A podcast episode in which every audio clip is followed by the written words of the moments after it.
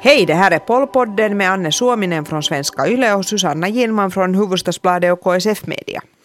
Hur kan de gröna vinna så mycket på att gå till regeringens utbildningspolitik när de själva skar ner i anslagen då de hade makten?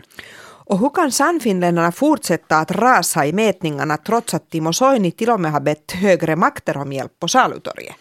Idag ska vi också fråga om inte ministrar borde avgå då de sjabblat bort sig.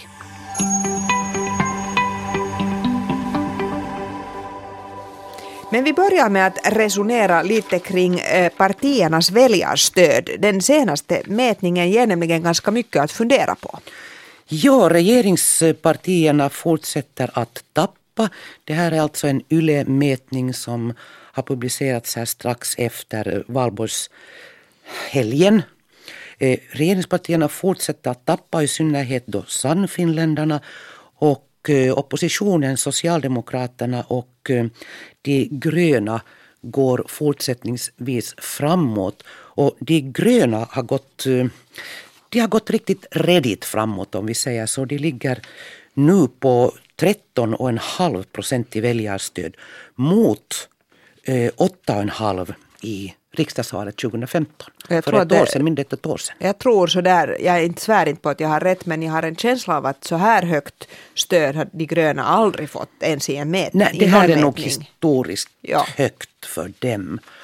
Och det är ju lite intressant tycker jag eh, eh, att fundera vad det här kan bero på.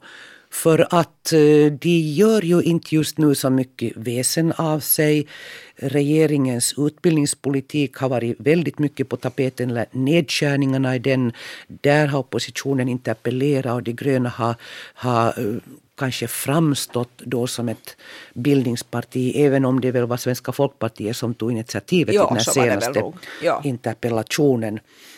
Eh, att finns där andra element som, som vi inte riktigt ser. Varför väljer människor i, i opinionsmätningar nu att, att eh, ja, varför väljer man de gröna så här kraftigt?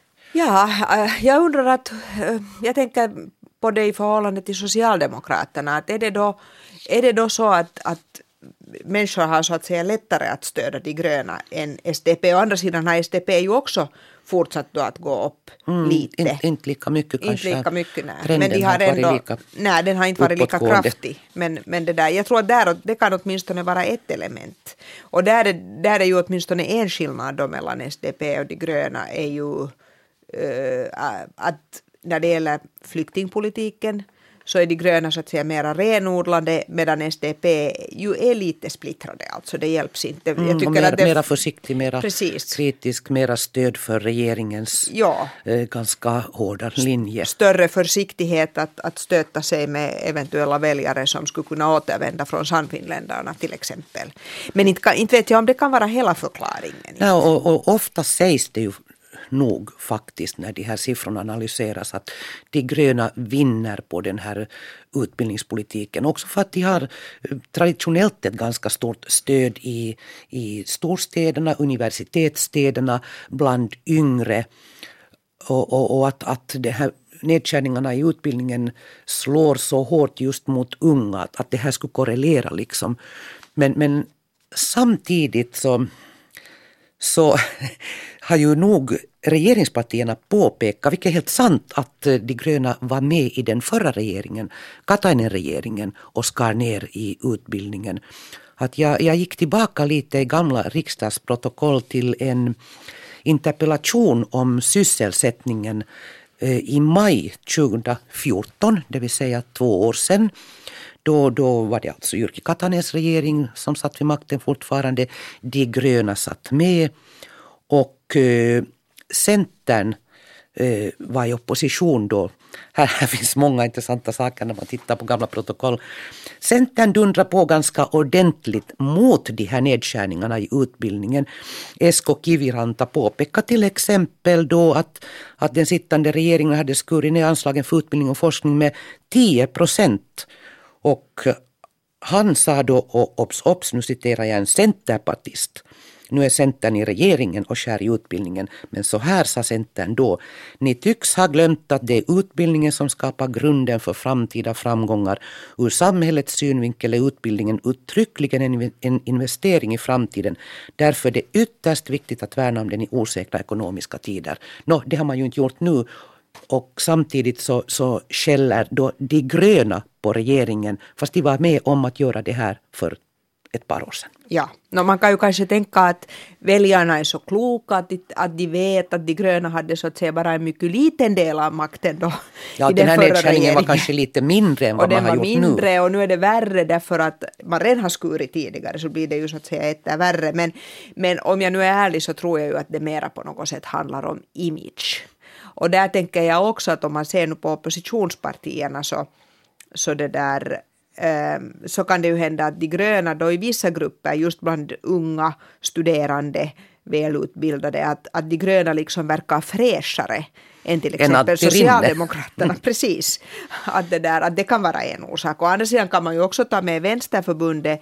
Nu kommer jag inte riktigt ihåg vad det visar eh, för det. De har också kan... gått lite uppåt. Jag ska kolla här nu mycket marginellt. Just det ligger på 8,5 nu och det här är, no, jämfört med riksdagsvalet det är 1,5 procentenheter ja. högre. Men, men ändå, har, jag menar, ändå hade liksom, Vänsterförbundet har inte egentligen dragit så stor nytta av den här oppositionstiden. Och ändå kan man ju säga att om man jämför med Socialdemokraterna så har de ju som vänsterparti förnyat sig betydligt mycket mer än vad Socialdemokraterna har gjort. Men de ligger sen i en imagemässigt ganska nära de gröna. Det, det är svårt att säga vad som egentligen skiljer dem mm de, de här Socialdemokraterna är också lite intressanta när man nu ser på, okej okay, de har gått lite framåt, de har lite vind i seglen så att säga men, men där, där frågar jag mig också liksom att nu kör de på en jättehård kritik mot bolagisering, privatisering regeringen eh, för in landet i marknadsliberalism och har inte mandat för till exempel bolagisering av, av hälsovården i social och hälsovårdsreformen. Men om man tittar lite bakåt så har de ju själva varit med, i synnerhet Paavo Lipponens regeringar var varit de här riktigt ordentliga privatiseringsregeringarna och privatisera, sålt ut hur mycket statsbolag, statsandelar som helst. Att, att eh, det, det, är alltid lite det här att när man är i opposition så är det så enkelt att komma med den här hårda och braskande kritiken. Jag vill se Socialdemokraterna i nästa regering om de sitter där som de mycket väl kan göra. Ta tillbaka någonting av det som den här regeringen gör och som de nu kritiserar. Ja, alltså jag tycker att om man är ärlig så tycker jag att man kan se en sån trend när det gäller Socialdemokraternas retorik Eh, att det här gäller inte bara för oppositionstid utan det gäller också när de sitter i regeringen och, och valen närmar sig. Så då börjar de vifta med, med just med privatiseringsspöket så att säga och, och, och högerpartier och marknadskrafter och, och hur de värnar om välfärden och det där. Men det som de sen gör mellan valen så motsvarar inte riktigt den där retoriken. Att det, det är liksom en tacksam sak att ta tag i utan att nu vilja förringa deras oro för välfärden och, och marknadsliberalismen så, så ändå tycker jag att man kan se helt klart en, en sån trend. Jo, och, och mot bakgrund av vad Alexander Stubb nu till exempel eh, sa då han, han öppnade sin ordförande kampanj, kampanjen för återval. Han sa att den här regeringen för den mest samlingspartistiska politik man kan tänka sig. Så, så visst ligger det mycket i Socialdemokraternas kritik mot att eh, vi, vi håller på att se någon slags systemförändring. Ja, jo, jo det, det, det, det är helt sant. Och det, men det är förresten Eh, det är ju intressant med att Stubb själv då säger, och jag har faktiskt också skrivit det, att det här regeringsprogrammet är ju, och vi har, vi har säkert talat om det här också, att, att det här är en våt dröm för Samlingspartiet, det här regeringsprogrammet, men icke desto mindre så det, finns det då ett enormt missnöje med Stubb därför att de tycker att han inte har sett till att det har förverkligats till mm. punkt och pricka så som de skulle ha önskat sig. Särskilt då de här uh, företagarna till exempel och småföretagen. Och så här. Vi kan ta en stubbrunda här på slutet ja. när Petteri Orpo då nu tydligen ska kämpa om ordförandeposten. Men det har han inte gjort ännu. Nej, men, inte men när vi bandar den här, men han gör det när precis, som helst. när som helst. Vi räknar med att han gör det när Men som om vi helst. tittar lite på de här opinionssiffrorna ännu, eh, så länge de nu är något sånär färska, eh, så Sannfinländarna lyckas med konststycke att bara gå neråt. De har rasat nu, eh, de har rasat Var det inte ska kolla. 8,5 procent? 8,5 procent Ja. mot nästan 18 procent i Så över riksdagsvalet. hälften har nu försvunnit Precis. av deras stöd. Och det här eh, eh, säkert beror det mycket på de här nedskärningarna i arbetslöshetsförmånerna om vi kallar det så. Det att man klämmer åt de arbetslösa ganska ordentligt. Och det är ju dessutom nu. en sannfinländsk minister Det är som sitter på den minister. posten. Ja, ja, det här Jari Lindström. faktiskt råkar ramla över Jari Lindström när jag tittar på de här gamla riksdagsprotokollen och protokollen ur den här interpellationsdebatten för två år sedan. Den förra regeringen skar ju också i arbetslöshetsstödet till exempel och i sysselsättningsanslagen. Där står Jari Lindström för två år sedan i riksdagens plenisal och säger så här. Sannfinländarna har föreslagit bland annat mera resurser för lärlingsavtal och aktiverande sysselsättningspolitik. Men ni lyssnar inte. Istället tänker regeringen skära i anslagen för arbetskraftspolitiken och i det inkomstrelaterade arbetslöshetsunderstödet. Det här vittnar om hur lite ni faktiskt bryr er om de arbetslösas nöd. Och nu två år senare så gör Jari Lindström mer än detta. Ja. Och så säger han i TV att men vi gör inte det här för att vara elaka med de arbetslösa. Utan vi gör det för att vi vill att folk ska få jobb. Det, det, jag eh, ramlade för någon vecka sedan över en blogg som har skrivits av ordföranden för Centerns ungdomsförbund, Rika Kempi. Där hon då anser att eh, de här Jari Lindströmska förslagen till att strama åt förmåner och annat för de arbetslösa, att de bör återremitteras till ny beredning. Att det här handlar om att eh, ge mig det svenska ordet för kykutta. No, klämma åt. Klämma åt, Det är inte lika bra. Men klämma kanske... åt de arbetslösa, få de arbetslösa på knä. Och, och, och det här eh, visar ju nog att det, det kanske finns lite kritik också på annat håll än på det sannfinländska fältet. Ja, men det är ju just om det gäller Centern så det är ju nog ändå intressant att det kommer nog fram väldigt lite tycker jag. eh, Mycket. Sån kritik inom Centern för att den politik som Juha Sipilä nu leder så den ligger ju hemskt långt borta från det som Centern har varit tidigare.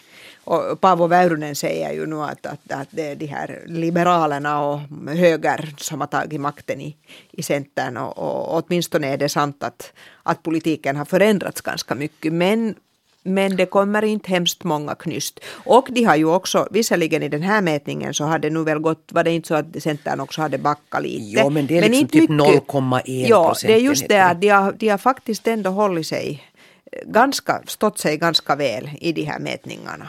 Inte ens Matti Vanhanens meddelande om presidentkandidatur har fått siffrorna att stiga där. Inte. Men inte heller att sjunka Nej, hemskt inte mycket. sjunka. Det där, om vi säger det så. där var lite elakt Ja. sagt, ja. No, men, men, men om Sannfinländarna ännu så, så det här, eh, okej, arbets... Eh, sysselsättningen, det här att klämma åt de arbetslösa så har definitivt inte fallit i god jord på fältet där. Men sen, sen har de ju nog lyckats eh, göra det mesta av, av åtstramningar inom flyktingpolitiken. Precis. Att den, den marknadsförde ju nog som sin stora seger. Och väldigt långt är det ju så.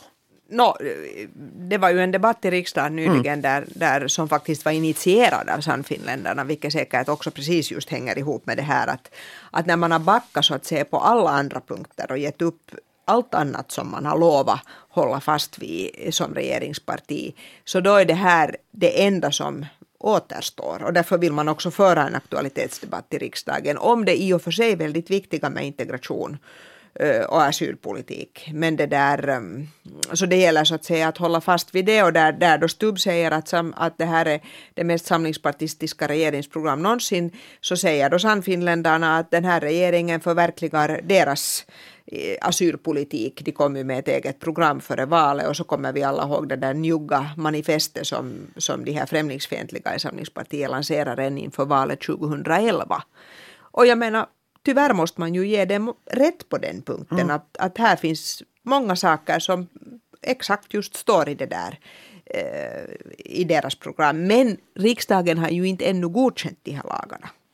Nej, och vi vet inte vad grundlagsutskottet säger om en del av de där förslagen. Där finns nog frågetecken. Men, men om, om Sannfinländarna och deras retorik och vad de försöker liksom profilera sig på så är det ju nog det här med, med två stolar inom, inom flyktingpolitiken, invandrarpolitiken så är ju nog fortfarande, ska vi säga, eh, det är inte ett problem för dem. Men de gör ju det mesta där också. Att nu hade vi ju Timo Soini som valde att inte hålla ett traditionellt första maj-tal på en traditionell första maj-tillställning där han då antagligen hade varit tvungen att eh, försvara eh, regeringens åtgärder i annat också än i invandrings och flyktingpolitiken. Han valde att delta i ett bönemöte på Salutorgen på Salutorget. Eh, no, där bad han högre krafter om, om hjälp för att klara Finland ur krisen och han talade om förlåtelse och han tyckte att det här handlar inte alls om politik och så. Men han, han tog också avstånd från hatprat. Och bara några kvarter därifrån så håller Sannfinländarna då ett första maj-evenemang med Olli Immonen, riksdagsledamoten Olli Immonen som talare. Där han än en gång tar avstånd från mångkulturalism, ser det som ett stort hot mot den nationella endräkten. Så att Ja, och när, när jag nu lyssnar på, inte riktigt hela, men en stor del av den här debatten om integrations och asylpolitik i riksdagen, nu blir man ju uppgiven när man hör de här, många av de här sannfinländarna eh, nästan alla, att den här Tina Elovara kanske var ett undantag. Men det där, för att, för att det, det är så hetskt och det är så upp och nedvänt alltihop. Att man liksom vet inte ens riktigt var man skulle börja så att säga om man själv skulle sitta där i riksdagen och, och, och föra en sån där debatt. Att det, där, att det är nog ganska sorgligt. Men det blir intressant att se hur det här Sannfinlands väljarstöd nu utvecklas. Att kan det gå neråt ännu mer. För att eh, nu, nu har då deras eh, flykting asylpolitik väldigt långt förverkligats.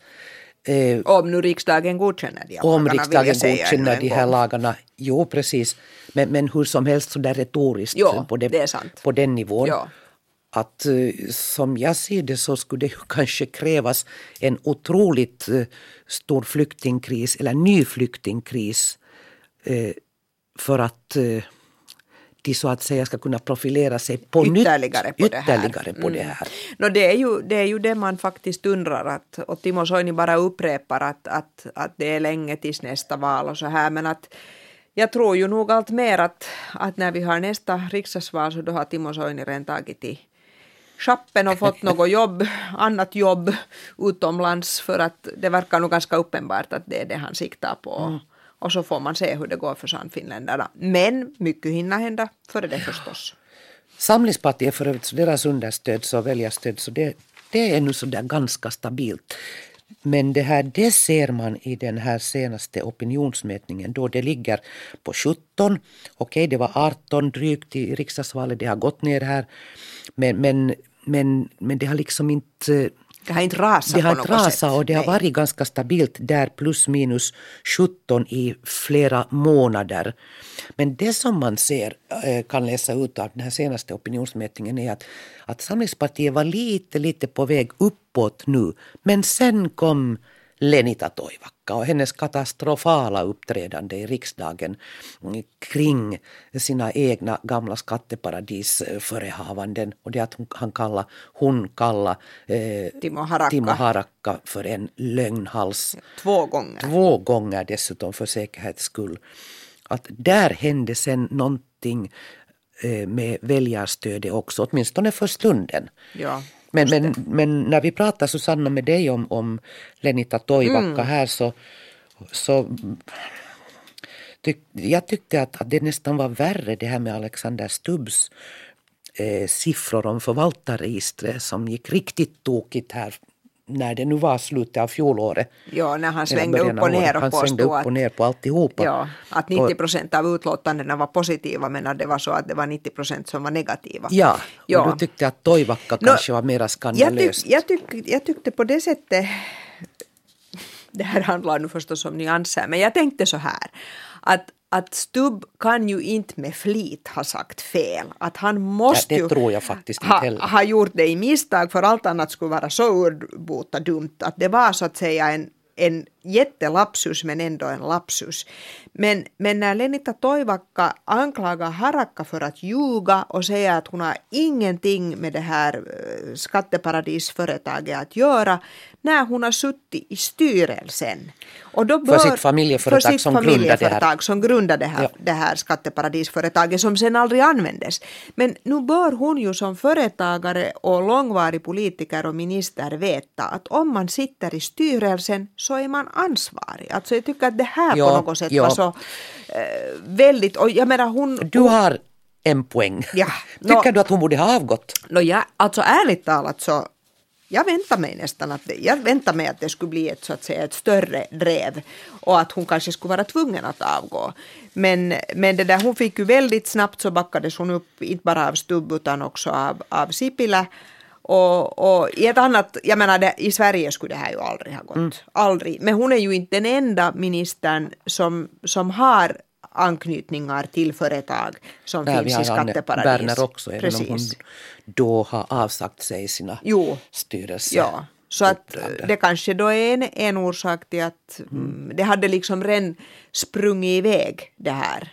Men, det där, eh, men att nu tycker jag ju att ministrar har avgått också i Finland för mindre eh, problematiska förseelser än det här kanske.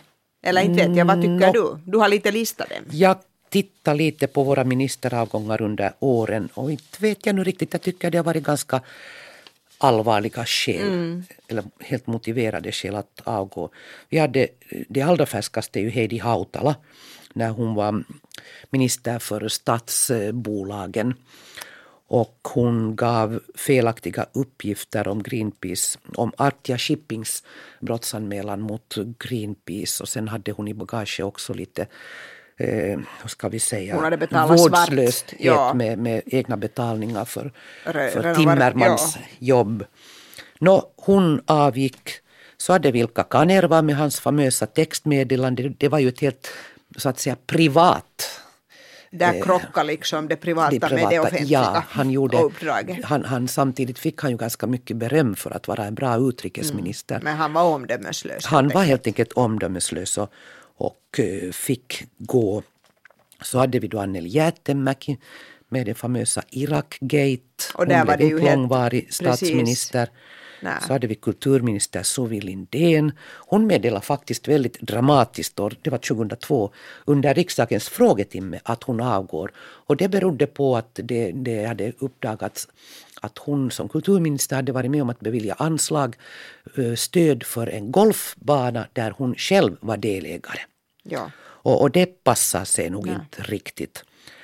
Så hade vi tiderna trafikminister Matti Aura och det var Sonera-problem. Ja, och där, men det måste säga att han är ju nästan den enda minister som genast har sagt att jag precis, går. Precis. Han gick det inte hela den här vägen. Brev, liksom. inget Nej, utan han insåg att nu ska han avgå. Mm. Det lyfte jag lite på hatten för Däremot var det ju drevet mot Arja Alho. Det var ja. ju faktiskt det var hårt. hårt ja. då, och det handlar ju om, om eh, Sundqvists eh, vad heter det, skade Stå, ja, att, att staten skulle så att säga efterskänka. Ja, ja. Ett, och så hade vi Kauko Juhantalo. Ja, no, det som, var ganska uppenbart. Ja, det Han var en riksrättsdom helt ja, enkelt för så att, så historiskt koppling i Finland. av egna ja.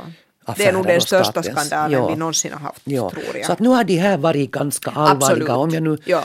ställer Lenita Toivakkas förseelse i proportion till det här så, så jo, i Sverige hade hon säkert mm. fått avgå men så där jag är inte riktigt själv beredd att. Eh, kräva hennes no, avgång. Jo, jag kan hålla med. jag kan hålla Men hör du, ska vi avrunda kort med ja. Stubb och eventuellt Petteri Orpo då som ordförandekandidat också. I vår förra podd så sa du att du är beredd att äta upp din hatt om han inte blir återvald. Men då trodde Men, vi ju att Orpo precis. står fast vid ja. vad han tidigare har sagt att han absolut inte kommer att ja. utmana Stubb. Nå, nu vet vi inte Nej, när vi bandar det här men vi tror definitivt att han ställer Allt tyder på, han har sagt så mycket, så många gånger har han nu sagt A så att säga, att han är tvungen att säga B. Annars gör han nog en väldigt underlig figur när han har nu meddelat att han överväger seriöst och det har kommit så hemskt mycket. Så säger man inte om man om man inte egentligen redan har beslutat mm. sig för att man ska säga ja, skulle jag tro. Men, det där, men vi får se, ännu har det inte kommit någon inbjudan till presskonferens när vi sitter här och, och det där, men vi väntar nu på att den ska komma och då kan jag inte låta bli att säga att att för två år sedan så var Orpo också en sån tippad kandidat. Då var han, tror jag, ordförande för riksdagsgruppen. Ja.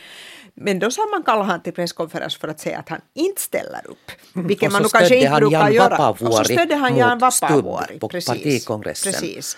Men nu sägs det ju att, eller nu sa faktiskt Stubb själv att Petteri Orpo har varit hans högra hand under de här senaste åren. Så att, så att, och, och de som är lite mera elaka säger att egentligen är det, är det Orpo som håller ihop hela det här samlingspartistiska bygget i regeringen. Och att, att det är han, han som står för substanskunskapen. Precis. Eh, då kanske Stubb inte alltid riktigt har har, är på kartan med Nej. allt. Men, men... Och kan inte alla detaljer och all historia till alla frågor som mm. det är också viktigt att kunna. Men Petteri Orpo kan det och han ger ju ett sådär väldigt stabilt intryck. Han är hemma från egentliga Finland som är den samlingspartiets näst största krets. Så på det sättet är oddsen nog helt goda men jag tror inte att man kanske ändå ska inte kan man säga att det är avgjort bara om och när Orpo ställer Nej, alltså Stubb har ju som känt en grym slutspurtkampanj eh, känsla. Och han, han tycker om att tävla och definitivt, vinna. Definitivt. och, och, och sen, sen har, har ju nog hans kampanjchef eh, Kari Mykkänen heter han, ja. sant? Eh, riksdagsledamot. Han har ju Kai Mykkänen, Kai Mykkänen. heter han, förlåt. Han har ju rätt när han säger att eh, den här regeringen, att man kan göra en lång lista på samlingspartistiska eh, beslut som den här regeringen har fattat. Och han sa då när Stubb öppnade sin kampanj att, att ingen skulle ha trott för ett par år sedan till exempel att Finland nu går in för att bolagisera sina hälsocentraler. No, nej, det måste Så man att, hålla med om. Stubb har ju nog, ska vi säga, nu kan han också visa upp Eh, goda resultat i den här det regeringen. Han. Och förra, för två år sedan ringde han, sägs det att han personligen ringde upp alla partidag, partikongressdelegater. Ja, han, han är bra på, på just sånt. Så att vi får nu se, men vi om, väntar med spänning. Om Orpo vill jag säga så mycket innan vi äh, drar streck att det som gör mig lite beklämd, jag kan också hålla med om att han verkar som en mycket redig och, och, och kunnig på alla sätt och så här men, men jag blev nog beklämd av hans inlägg i flyktingdebatten nyligen då i riksdagen när han sa, när eh, liksom Sannfinländarna gick på där med sin kritik så sa Orpo att, att ja, att han måste nog medge att nu har nog de här regeringsbesluten, de betyder att, att pragmatismen har vunnit, besegrat humanismen. Det vill säga öppet säger nu en regeringsmedlem att eh, vi har lagt humanismen åt sidan. Pragma, pragmatismen har fått råda. Och det, det gjorde mig beklämd. No, jo, det gör nog faktiskt också mig beklämd. Det måste jag säga. Men ska vi? Vi avrundar, vi avrundar, sätter punkt vi sätter punkt här. Och då vi återkommer så då vet vi nog vilka kandidaterna sist och slutligen är i Samlingspartiets ordförande-race. Hej från oss. Tack och hej.